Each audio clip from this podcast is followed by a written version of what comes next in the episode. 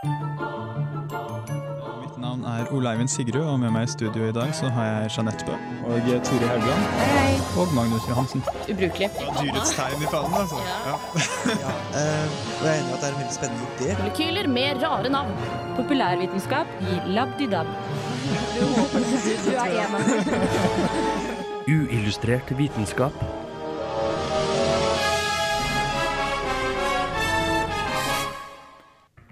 Har du noensinne lest en artikkel om forskere som undersøker de merkeligste ting, og tenkt 'dette bruker noen penger på'?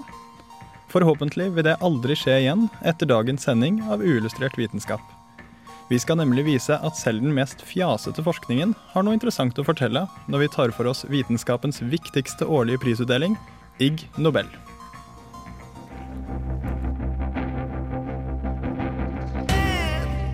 Det var Robert Plant som fikk eh, åpne ukens eh, sending av Uillustrert vitenskap. Mitt navn er eh, Ole Eivind Sigrud, du lytter til Radio Revolt. Og med meg har jeg Jeanette Bø. Hallo. Hei, vi skal jo snakke om Ig Nobel i dag. Ja, det har vært veldig mye mas om Nobelprisen siste uka, med sinte paver og diverse. Det gidder vi ikke å ta for oss. Vi tar heller den litt omvendte Nobelprisen. Ja, fordi Ig Nobel er jo en pris som ut, eh, utdeles hvert år på Harvard eh, til forskning som først får deg til å le, og så får deg til å tenke. Altså morsom forskning. Eh, Det syns jo vi er morsomt her i Illustrert. Ja, og det er ikke bare ubrukelig forskning. Litt ubrukelig, og, og litt, eh, litt bra forskning òg, bare det ser litt rart ut med en gang. Ikke sant? Jeg kom jo med en upresis påstand da, i åpningen som jeg har lyst til å rette opp. Da. Eh, Jeg sa jo at du aldri igjen skal si eh, 'og dette bruker noen penger på' om forskning. Og det kan du få lov til å si, men ikke si det om forskning for å finne verdens morsomste vits eller et eller annet sånt noe. Eh, Si det om eh, studier som er ukontrollerte, f.eks. om homeopati. Som da studier som ikke forteller oss noe. Ja, det, det, det er bortkastede penger. Ja, Nå må høre på Ole Eivind. ikke sant. Um, men eh, ja, vi skal jo da ta for oss Ig Nobel. Eh, men vi tar en liten svipptur innom eh, Nobelprisen. Fordi Andre, eh, André Game, som vant Nobelprisen i fysikk for å ha oppdaget grafin i 2004, eh, han var tidligere Ig Nobelprisvinner. Fordi i eh, 2000 så fikk han den for å ha levitert en frosk. Ja, Så det kan jo være et skritt på rette veien. Ig Nobel. Mm. Mange seriøse forskere som får Ig Nobelpriser. Eh, gå inn på YouTube og sjekke sjekk ut leviterende frosker. Eh, vi kommer jo til å ta for oss hver eneste Ig Nobelpris denne sendingen. Det er ti av dem.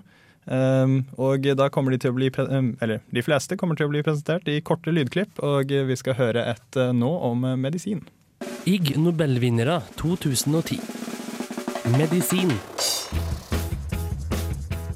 Prisen gikk til to nederlandske forskere som fant ut at kortpustetheten fra astma gikk ned etter en tur med berg-og-dal-bane. Berg-og-dal-bane ble valgt for å slippe unna de etiske og praktiske problemene ved induksjon av emosjonelle tilstander. Deltakerne var 25 unge kvinner med diagnosen alvorlig astma og 15 tilsvarende kontrollpersoner. De fikk 12 euro hver for deltakelsen.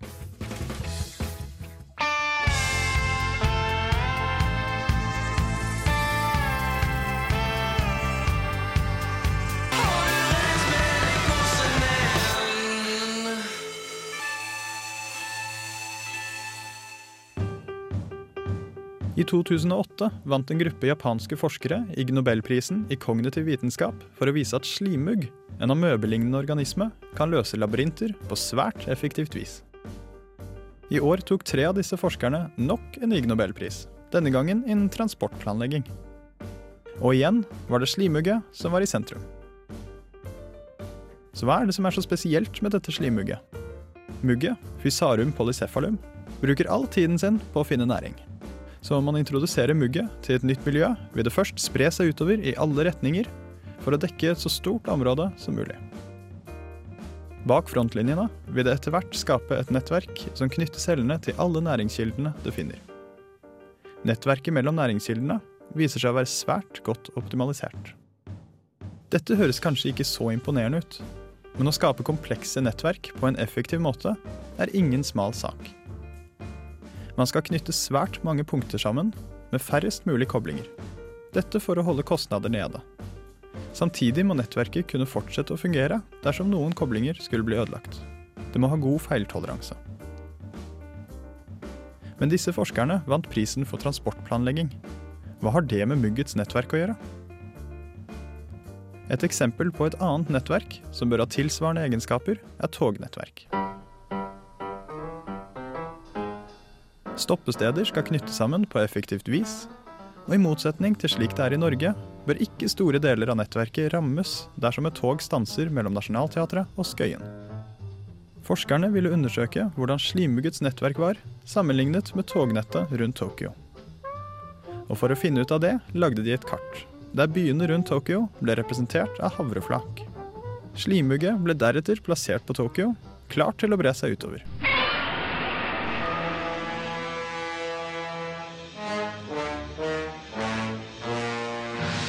Etter kun 26 timer hadde mugget et komplekst nettverk mellom havreflakene. Deretter ble selvsagt nettverket analysert og sammenlignet med Tokyos jernbanenettverk. Muggets nettverk var litt mer effektivt enn det menneskeskapte, men hadde merkbart lavere feiltoleranse. Ikke verst. Det er tross alt snakk om mugg. Der hørte dere altså eh, transportplanleggingsprisen, som gikk til eh, ja, slimmuggforskere. Eh, Før det så hørte dere tog med reint mel i posen din. Hva skal vi si om den, den slimmuggforskningen egentlig, Jeanette? Jeg syns det var Muggen som skulle fått prisen, Ja. i og med at den er så smart. Det er jo stjernen i showet.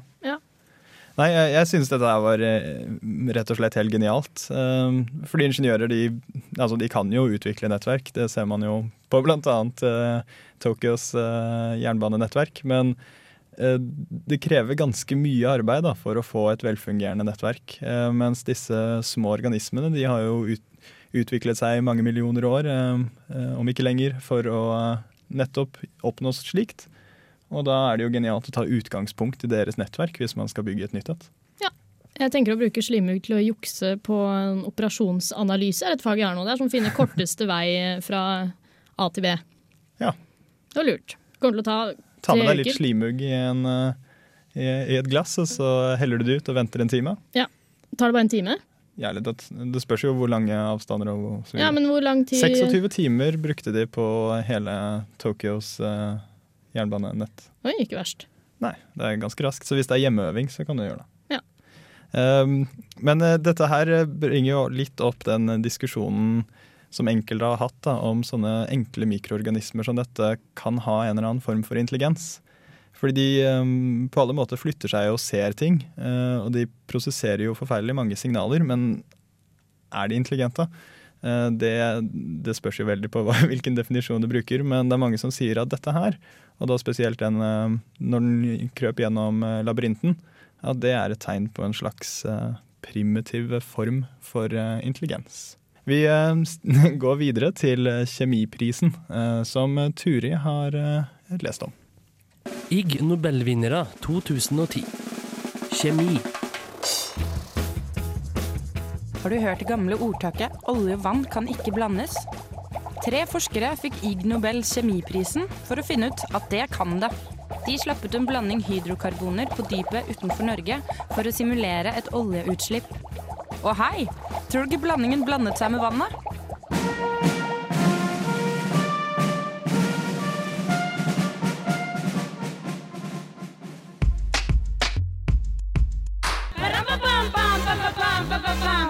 Radio Revolt. Ig Nobelvinnere 2010. Ledelse. Ledelsesprisen ble i år vunnet av tre fysikere fra universitetet i Catania. De viste matematisk at organisasjoner vil bli mer effektive dersom de forfremmer tilfeldige ansatte. Ja, Har du hatt en udugelig sjef eh, noen gang, eh, Jeanette? Ja, det, det tror jeg. Hvem har ikke det? Eh, Og her kommer eh, Peter-prinsippet inn, da, som var utgangspunktet for eh, denne hele studien. Peter-prinsippet ble mm, ja, først lagt frem av en, en kanadisk psykolog som het Peter Ja, nå husker jeg ikke etternavnet. Og det går ut på at i en hierarkisk organisasjon så vil nye medlemmer klatre i stillingene helt til de når sitt maksimale inkompetansenivå. Eh, som betyr at de blir forfremmet helt til de ender opp i en stilling der de ikke duger. Ja, men jeg syns det høres eh, ganske vanlig ut, jeg. Det høres jo faktisk eh, ganske vanlig.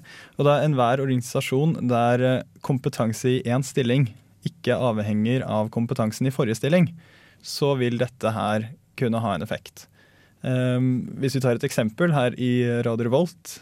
Hvis man er en god programleder eller en dårlig programleder, så betyr ikke det nødvendigvis at man Eh, at ja, man er tilsvarende god eller dårlig som ja, eh, ansvarlig redaktør eller tekniker eller noe sånt noe. Og da hvis du blir forfremmet, eh, så kan det hende du, sånn, selv om du var kjempegod programleder, så var du en udugelig tekniker. Da ender du opp der. Um, lyder i hvert fall det prinsippet, da. Da ender du opp som tekniker? Ja.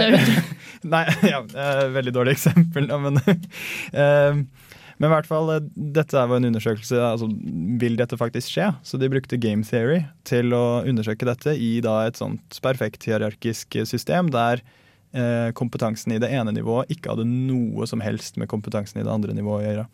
Og de kom frem til ja, dette vil skje. Og det vil jo også føre til en dramatisk reduksjon i eh, organisasjonens effektivitet. Fordi folk blir jo sittende i stillinger som de er helt forferdelig dårlige til. Um, så da skulle de finne ut hva gjør vi for å redusere, eh, eller for å ja, unngå denne reduksjonen i effektivitet. Og da fant de litt overraskende funn, nettopp det at hvis man fremmer noen vilkårlig, altså du bare plukker en eller annen kar og forfremmer den hver gang du skal forfremme noen, så ble faktisk organisasjonen mer effektiv. Uh, og så fant de også at man eventuelt kan vek eh, ja, vilkårlig veksle mellom å forfremme den beste ansatte eller den dårligste. Um, mekanismen der er gjerne at hvis du forfremmer den som er dårligst, eller minst kompetent, så vil de antagelig da være litt mer kompetent i det nivået de ender opp på. Um, og uh, hvis du forfremmer en som er mest kompetent, så kan det jo godt hende han er veldig kompetent i neste nivå også. Um, ja, høres det Ja, det, det, er, det, er, jo en fin, eh, fin, ting å vite for en sjef, da, som slipper å tenke veldig lenge gjennom hvem han skal forfremme eller ikke. Mm, ikke sant. Eh, vi skal eh, videre høre på 'Enslaved' med The Beacon. Eh, først så får dere en oppdatering på Ig Nobelprisen i økonomi. Ig Nobelvinnere 2010. Økonomi. Det var mange om årets pris i økonomi. Æren gikk til samtlige ledere og direktører i Goldman Sachs, AIG, Lehman Brothers, Bear Stearns, Merrill Lynch og Magnetar for å skape og fremme nye måter å investere penger på. Gratulerer!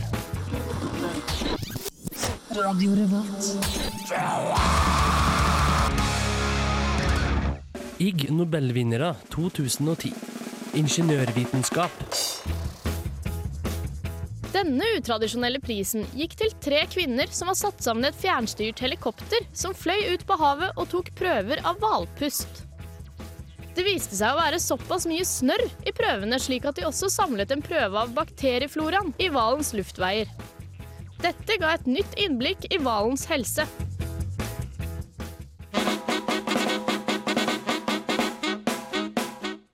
I can wire anything directly into anything. I'm the professor.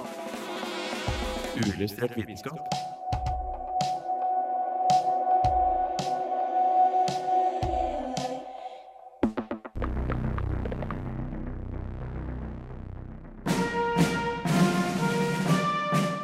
Nobelprisen i biologi i 2010 gikk til en demonstrasjon av at oralsex er en normal del av flyvehundparingen. En flyvehund er altså en flaggmus med lang snute og fin pels. Sju kinesere og én brite sto for denne forskningen. Oralsex er mye brukt i forspill hos mennesker, men er sjelden blitt observert hos dyr. Det har blitt sett hos bonoboapen, men der mest som lek blant unge hanner. Nå har man observert at hunnflyvehunden bøyer hodet ned for å slikke skaftet til hannens penis mens hun blir penetrert. Det viser seg at paringen varer mye lenger når hun gjør dette, enn når hun ikke gjør det. Etter paringen setter hannen i gang med å slikke seg selv en stund. Forskerne innrømmer at de ennå ikke vet hvorfor oralsex oppstår, men at de har noen hypoteser. Så hva verden egentlig fikk ut av denne forskningen, er foreløpig uvisst. En mye omtalt og god kandidat til å vinne neste års Ig Nobelpris i biologi er et nytt studie på masturbasjon hos ekorn. Noe de tror gjøres for å forhindre kjønnssykdommer. Dette er også en av hypotesene til de åtte forskerne om årsaken til oralsex hos flyvehunden. Uillustrert vitenskap. Radio Revolt. This is Charles L. Bennett from Johns Hopkins University.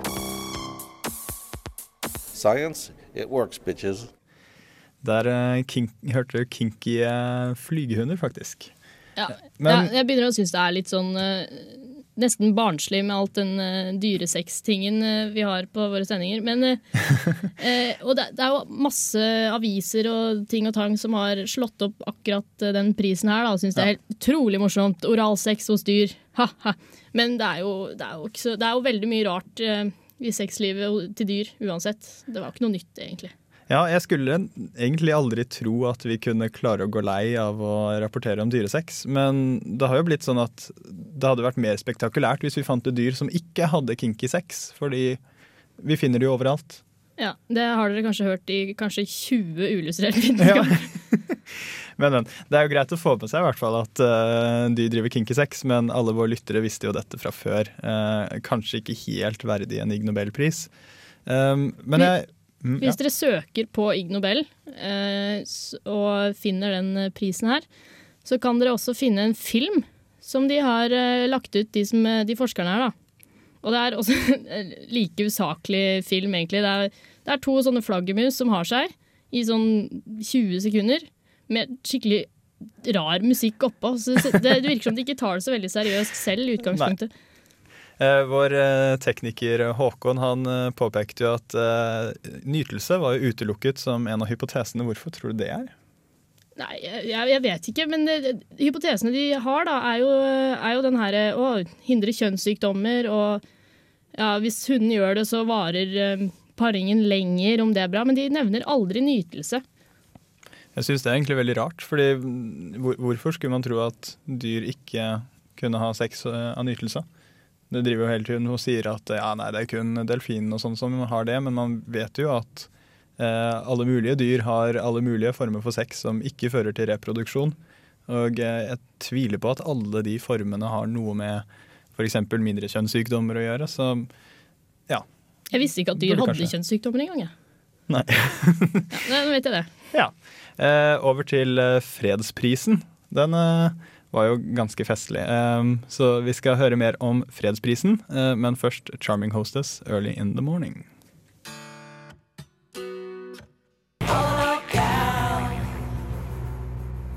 Du hører på Radio Revolt, studentradioen i Trondheim.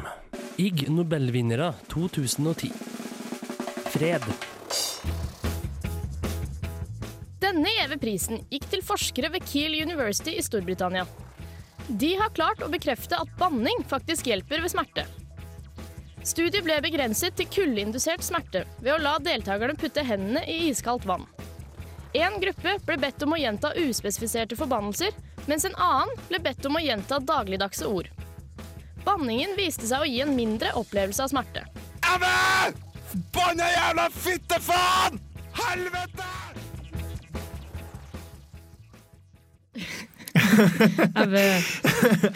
Ja, eh, Vi la merke til mens eh, sangen gikk at eh, 'Charming Hostess'-låten eh, faktisk var basert på 1500 år gamle babylonske tekster. ja, for ja, For vern av kvinner mot demoner. Ja, sånn var det. Det visste vi ikke før. Vi, vi syns ikke det her helt passet inn i uillustrert vitenskap. Eh, kanskje livsstilsmagasinet Urtefitte, men, men her så har vi eh, lyst på litt mer vitenskapelige sanger, takk. Eh, Men eh, Har du et eksempel på en vitenskapelig sang, Olav? eh, ja, du har jo Baba Brinkman med alle disse evolusjonsrappene hans, da, for Ja, eksempel. ja, sant. Ja, jeg burde Men, men. Fredsprisen, det hjelper å banne når du har fått vondt. Ja, det, det ble jeg veldig glad for, for det pleier jeg å gjøre. Ja. Og så får du ofte en litt sånn derre Hysj, Jeanette. Jeanette, Jo, ikke- jo ikke så vondt. Men det hjelper. Nå kan jeg komme med, det, komme den, slå den i bordet. At det er bevist at det hjelper. Eh, og ja, det ga økte, økt smertetoleranse når du banner. Økt hjertefrekvens, men det reduserer ja, da, oppfattelsen av smerte, da. Sammenligna med når du ikke banner. Eh, men det var, det var noen som stakk seg litt ut, og det var menn som, eh, som har en tendens til å overdramatisere eller overreagere på, på smerte. Kanskje som eh, han vi hørte i, Ja. i reportasjen din. Ja, det er litt som han. Eller så, sånne menn som er sånn Å, faen, jeg er så jævlig forkjøla. Å, øh», De, de funka ikke, det Gikk det dårligere, eller? Ja, nei, de, de fikk ikke noe lavere De merka smerten like mye som før. Fordi de overdramatiserer alltid. Aha. Så, så moralen er bann mye, men kun når det faktisk er behov for det. Ja. ja. Jeg la jo merke til eh, at det, gir jo en positiv effekt å banne. Det syns jeg var rart. Fordi eh, man har jo lenge eh, hatt påstander om eh, sånn katarsiseffekt. Når du er sint, så ta et balltre, slå løs på en pute, eller eh, slå litt i veggen og kast ting rundt og sånn. Eh, Og det har jo vært en god del forskning på det, og det viste jo har, eller har ofte vist at eh, folk blir faktisk mer aggressive etter de gir utslipp eh, på aggressiviteten sin. Så det er litt snodig at eh, skriking og banning skulle være annerledes. Ja, men det, det kan hende det er de her overreagerende mennene, det. Som, som, som gjør det. Som Aha. slår hånda i murveggen etter, etter noe dritt har skjedd. De, ser, de vært, ser ikke videre bedre ut etterpå. Så det har vært dårlig utvalg. Ja. Ja. Kjenner dere noen som har skjegg? Følg med på eh, Ig Nobelprisen for folkehelse. Året er 1967. Beatles slipper ut Sgt. Peppers Lonely Heart Club Band. Jefferson Airplane er på jakt etter den hvite kaninen. Jimmy har akkurat landet i London. Hippiebevegelsen er med andre ord på inntog. Og det er òg dens motbevegelse. For alle er ikke like begeistret over ubegrenset hårvekst.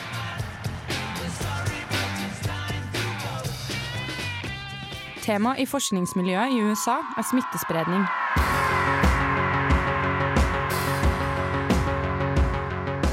Smitte fra forskere ved mikrobiologiske laboratorier er oppdaget. Smitten skjer indirekte.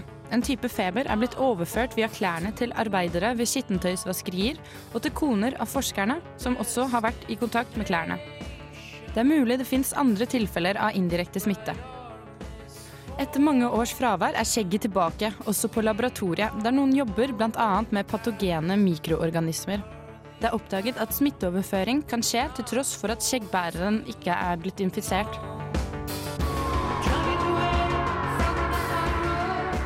I'm very high and low.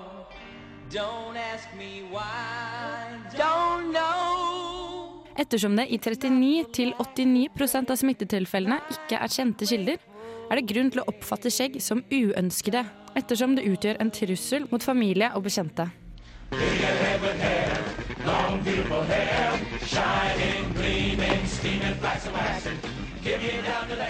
Så det ble utført en studie på smittespredning via skjegg. Men hvordan forsker du egentlig på smittespredning via skjegg? Jo da. Et naturlig fullvokst skjegg på en mannekin infisert med Newcastle sykdomsvirus og en hel haug kyllinger og marsvin. I tillegg til et forsøk med fire menn med 73 dager gammelt skjegg. Kjør eksperiment!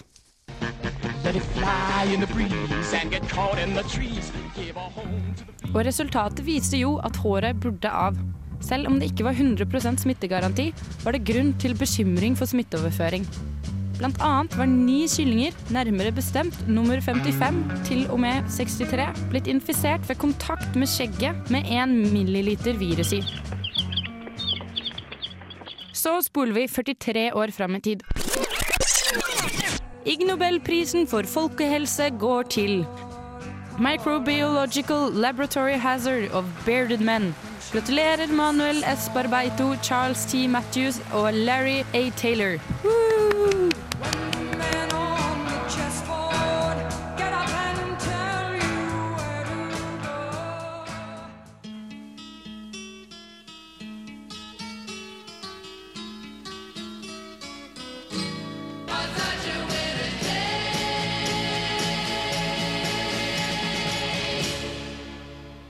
This is Phil Plate from Bad Astronomy, and you are listening to Unillustrated Science on Radio Revolt because science is awesome. Ig Nobelvinnere 2010.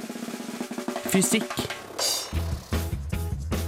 Årets fysikkpris gikk til tre newzealandske forskere for å ha undersøkt hvorvidt å gå med sokker utenpå skoene gir bedre grep på isete fortau. Deres konklusjon Despite some residual scientific uncertainty, because of the high frequency of ice related falls in our population, the cheap and simple nature of the socks over shoes intervention, and the absence of physical harm, if correctly fitted, we feel inspired to join an eminent professor, herself a long-time proponent of socks, in adopting this practice this winter. Jeg har eh, også vært en eh, lenge forkjemper av sokker. Ja, over sko. Nei, nei, bare sokker generelt.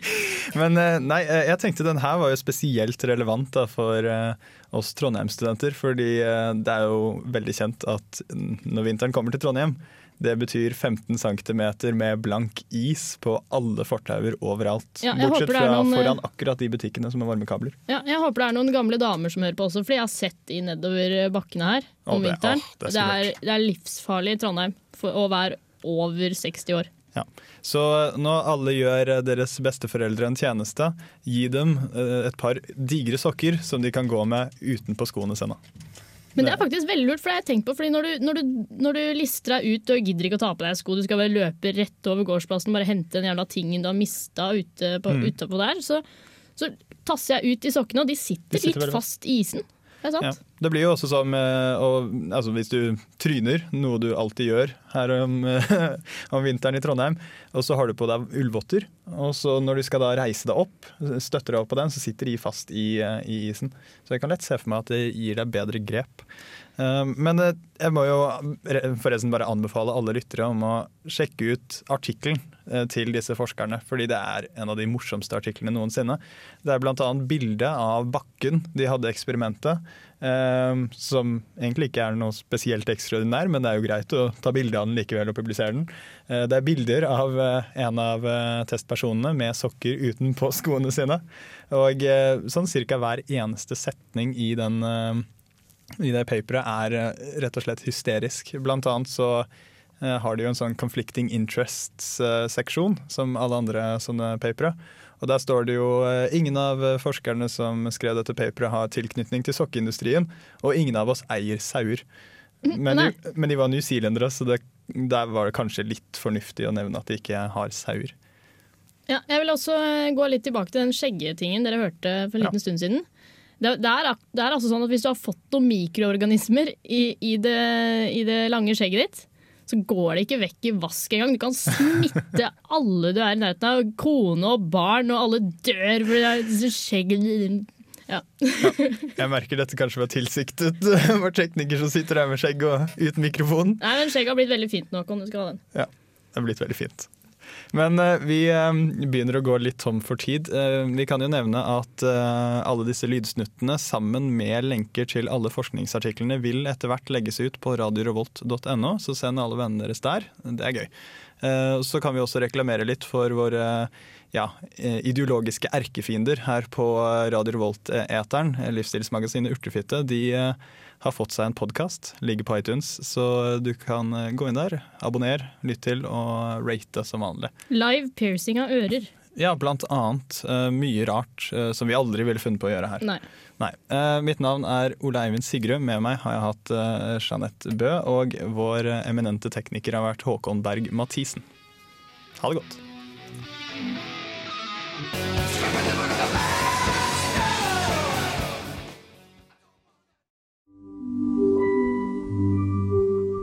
Uillustrert vitenskap er Midt-Norges eneste teknologimagasin på lokalradio.